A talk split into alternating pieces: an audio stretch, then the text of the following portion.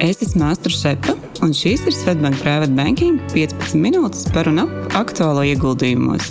Katru piekdienu kopā ar kolēģiem un arī viesiem apspriedīsim karstākos jaunumus finanšu tirgos un labklājības veidošanas tēmās, lai aizraujoši klausīšanās.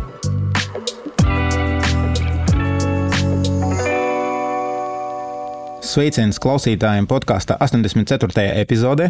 Šodien pie mikrofona esam mēs, Sergejs Labors un eh, Daniels Tauro. Čau, Daniel! Čau, Sergej! Jā, un šodien mēs runāsim par situāciju Vācijas ekonomikā, nu, par ko es drīzāk pastāstīšu, un tas finanšu tirgu, par ko pastāstīs Daniels. Vācija bija, ir un ceru būs Eiropas ekonomikas vilcējs. Mm, turklāt viens no nozīmīgākajiem arī mūsu tirdzniecības partneriem, eksporta ziņa trešajā vietā aiz Lietuvas, Igaunijas, Vācijā. Un, um, nu, līdz ar to zināmā mērā no tā, kā veiksies Vācijas ekonomikai, būs atkarīga arī Latvijas ekonomikas veselība. Un otra lieta, mēs, protams, primāri mūsu podkāstos runājam par notikumiem finanšu tirgus, un Vācijas akcijas tirgus ir trešais svarīgākais Eiropā. Mūsu klientu vidū, piemēram, Vācijas uzņēmumu akcijas pēc uh, pirkšanas pārdošanas apjomiem, apjomiem ieņem um, stabilu otro vietu. Arī šogad iezīmēs tendence, ka mūsu klienti pērk Vācijas obligācijas, kas ir tāds pavisam drošs instruments, jo Vācija joprojām ir maksimālais kredīta reitings 3, 3A, AAA, un tas obligācijas skaitās kā tāds nu, bezriska instruments, etalons, respektīvi visas citas obligācijas eiro valūta, tam ienesīgumam vajadzētu būt virs Vācijas obligāciju ienesīgumā. Es domāju, enough argumentu, kāpēc mums šodien uh, gribēja saprast, vai tiešām Vācijas ekonomika viss ir tik slikti, ka tas ir lasams virsrakstos pēdējos mēnešus, principā visu šo gadu. Daniels, kas notiek, pastāstīja? Nu jā, tiešām, man liekas, pēdējā gada laikā arvien biežāk mēs varam redzēt vārdus recesija un Vācija kopā, un tāpēc mūsu klausītājiem jāatgādina, ka recesija tas ir ekonomikas slēpslīde, kuru konstatēja, ja divas ceturkšņus pēc kārtas valsts IKP ir negatīvs. Un ar Vāciju arī bija līdzīgi. Tad uh, pēd, pagājušā gada pēdējais ceturksnis un šī gada, gada pirmais ceturksnis bija negatīvs IKP. Līdz ar to tehniski Vācija iestājas recesijā. Savukārt jau nākamajā ceturksnī atkal bija izaugsme ekonomikai un Jā, oktobrī saņēmām trešā ceturkšņa rezultātus, un tie atkal ir negatīvi. IKP nokritās par 0,1%.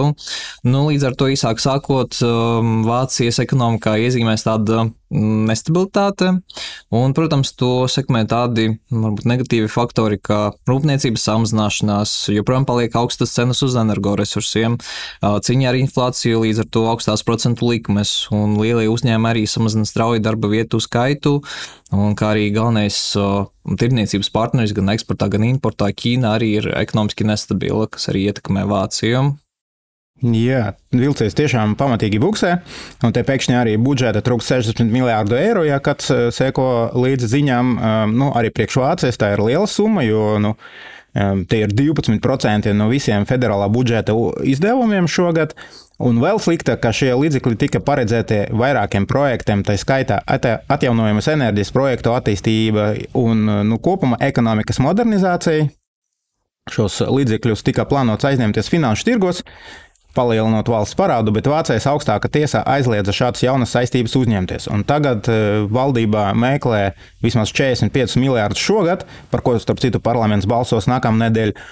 Un nākamā gada budžeta trūkst vēl 17 miljārdu. Nu, tāda ir situācija. Daniel, kas mums ir pozitīvajā pusē? Nu, varbūt var sak sākumā likties, ka nākamā ziņa nav baigi pozitīva, jo pēc trešā ceturkšņa rezultātiem tad privātās maisaimniecības patērē par 0,3% mazāk nekā iepriekšējā ceturkšņa līdzekļu. Un galvenie cēloņi tam, protams, bija tās pašas augstās cenas, nenoteiktība ekonomikā, Turpretī jāsaka, ka ienākumi pieauga.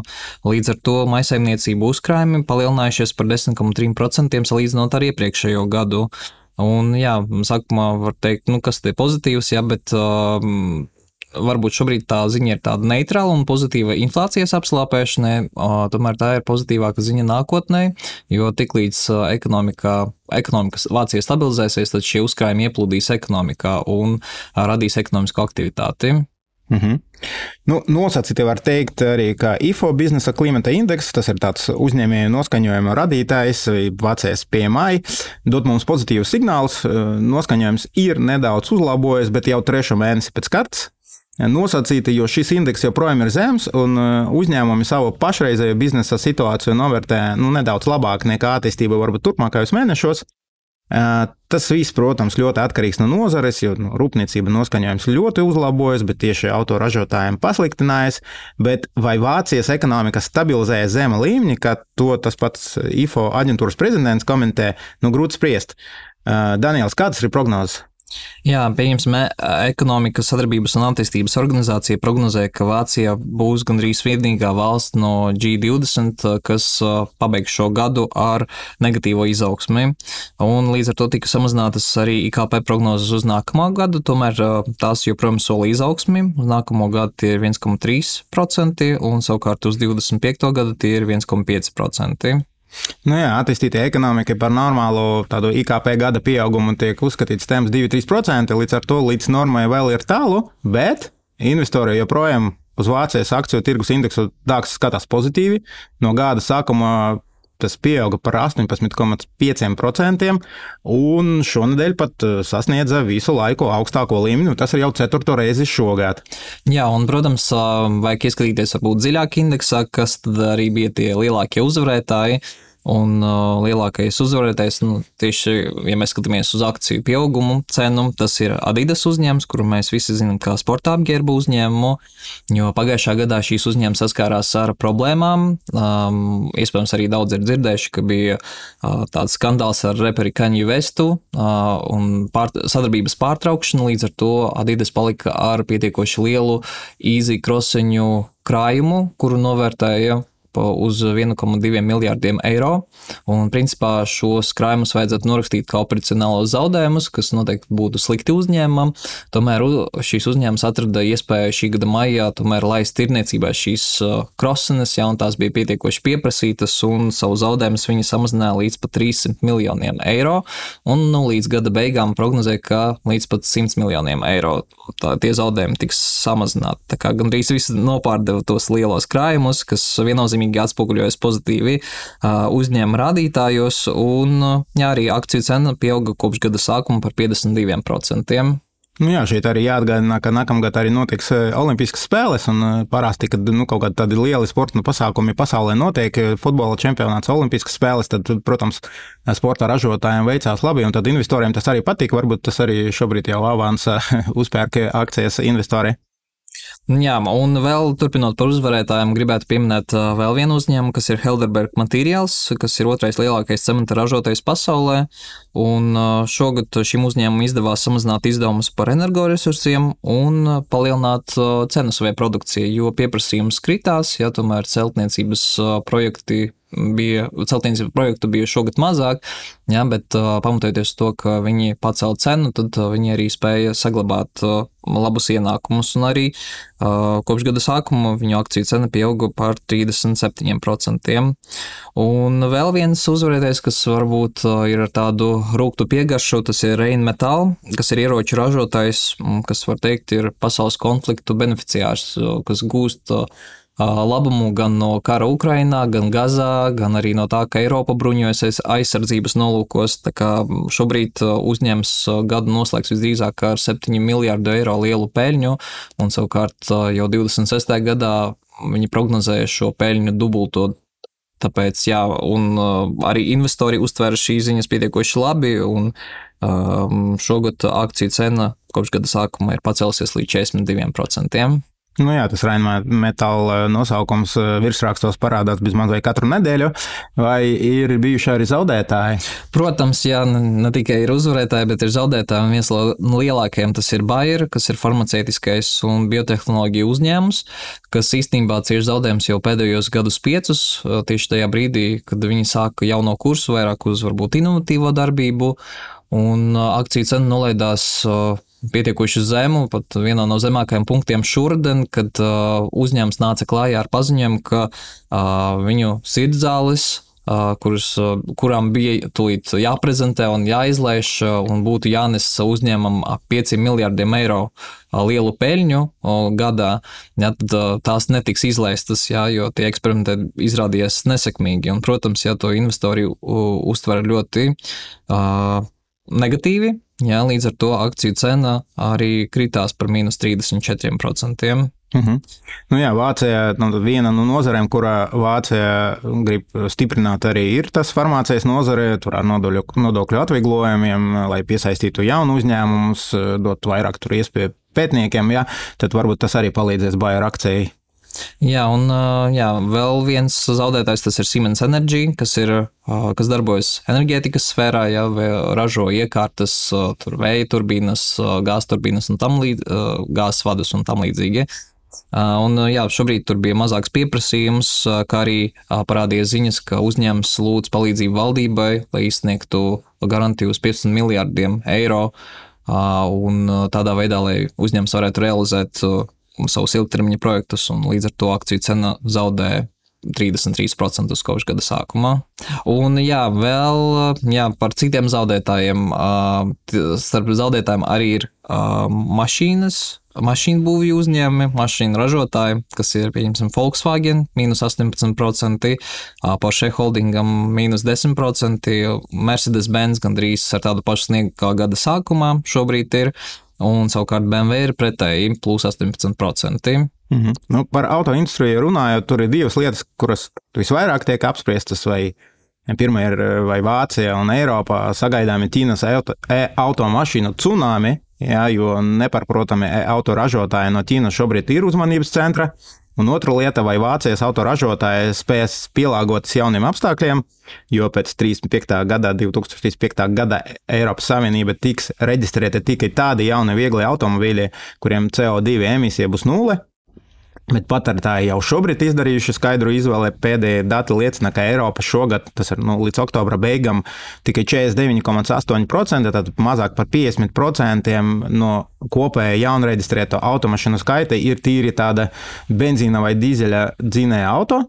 Un, ja mēs salīdzinām, piemēram, ar 18. gadu, tad, tad pagājuši tikai 5 gadi, un 18. gadā šī daļa bija 92%. Tad, tad nu, samazinājās par gandrīz 50%.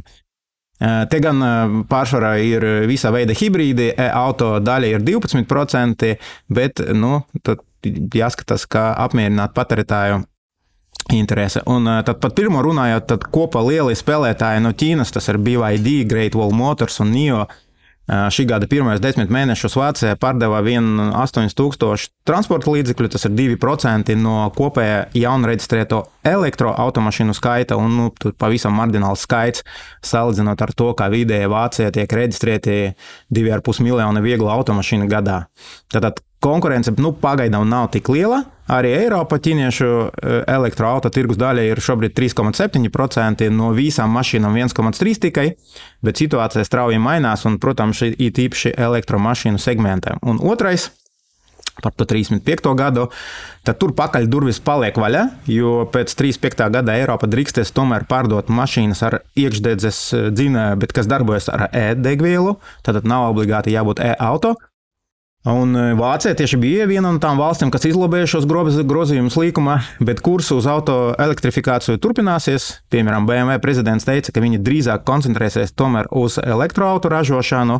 Šogad viņi plāno, ka no saražotajiem auto būs 15%, e-auto nākamgad 20, 25. gada jau ceturta daļa.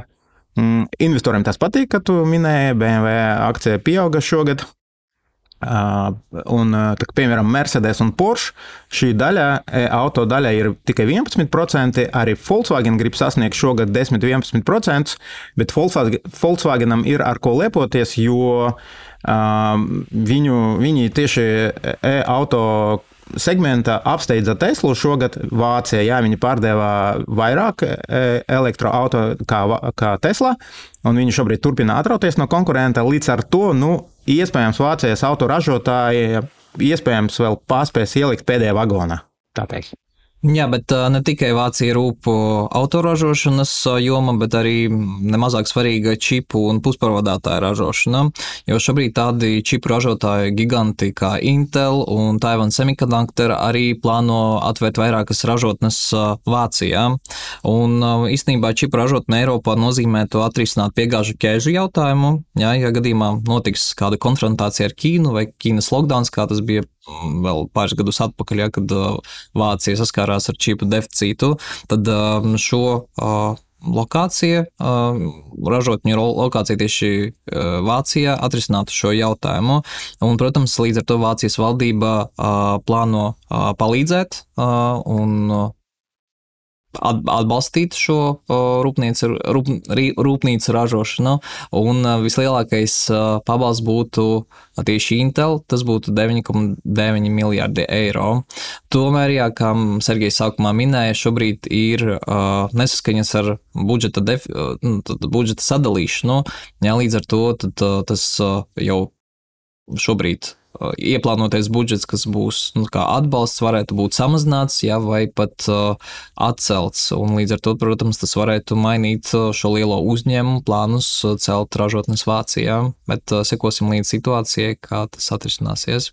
Mhm. Jā, nu skaidrs, ka plānots attīstīt nozares ar augstu pievienoto vērtību un eksporta potenciālu, bet tas viss, protams, ir iespējams tikai, ja Vācija tiks galā ar vislielāko izaicinājumu. Nu, Vāciski tā saucas enerģija vende, jeb pārējā uz zaļas enerģijas izmantošanu, ražošanu. Plānots, ka septiņu gadu laikā 80% no saražotas Vācijā elektroenerģijas būs e, zaļa enerģija. Pagājušajā gadā, piemēram, tie bija 45%, šobrīd jau pāri 50%. Temps, temps ir labs. Mm, slikti, ka no tiem atkal 60 miljārdiem bija plānots ieguldīt arī šādus projektus, tāpēc ceram, ka valdībai tomēr izdosies sakārtot budžetu, jo īpaši, ka šogad aprīlī trīs pēdējās atomelektrostācijas bija atslēgtas, jā, Vācijā atomenerģiju vairs neražo. Nu, bet valdība uzskata, ka izveicot stresa testus un ka elektro, elektroenerģijas piegādes drošība jau tagad ir garantēta. Nu, lai viņiem veicas. Kopumā teiksim, mēs jau gandrīz out of time, tad eh, skaidrs, ka nepieciešamas struktūrālas pārmaiņas ekonomikā un izaicinājumu gana būs daudz. Mm, bet nu, labi, ka ir plāns līdz 30. 35. gadam. Turklāt arī ekonomikas modernizāciju Vācija teorētiski varētu finansēt piemēram, aizņemoties finanšu tirgos, jo Vācijai tas parāda līmenis ir tikai 60% no IKP, un tas ir zemākais ilgtermiņa parāda līmenis no visām G7 valstīm. Jā, pārējiem valstīm laikam visam ir virs 100%. Un, ja šos līdzekļus ieguldīt ekonomikas attīstībā, tas nu, noteikti atmaksāsies. Daniels, kāds ir tavs secinājums? Vai šobrīd tu būtu gatavs ieguldīt vai nu Vācijas uzņēmumos, akciju indeksos, Kāds ir tavs redzējums?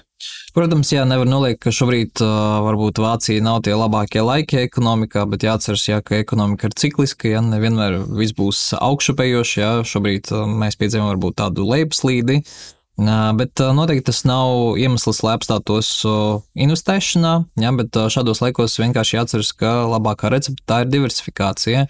Nekoncentrēties uz kaut kādu konkrētu vienu vācu uzņēmumu ja, vai konkrēti uz Vācijas valsti, ja, bet dažādot savu portfeli un varbūt viens no labākajiem veidiem joprojām ir ieguldījuma fondi, ja, ko mūsu klienti var izmantot Svetbank, Robur Eiropas fondu, kur Vācijas īpatsvars ir 14%, un tādā veidā nu, pasargāt sevi un tajā pašā laikā ieguldīt vienā no lielākajām pasaules ekonomikām. Mm -hmm. nu, paldies, tev, cik labi beigas arī pareklāmējām bankas produktu. Paldies un tiekamies nākamā nedēļa. Jā, paldies! Atā. Audio saturā dzirdētā informācija nav uzskatāms par ieguldījumu konsultāciju vai ieteikumu slēgt finanšu tirgus darījumus vai ieguldīt finanšu instrumentos. Paldies, ka klausījāties! Lai izdevusies diena un uz tikšanos nākamajā sarunā!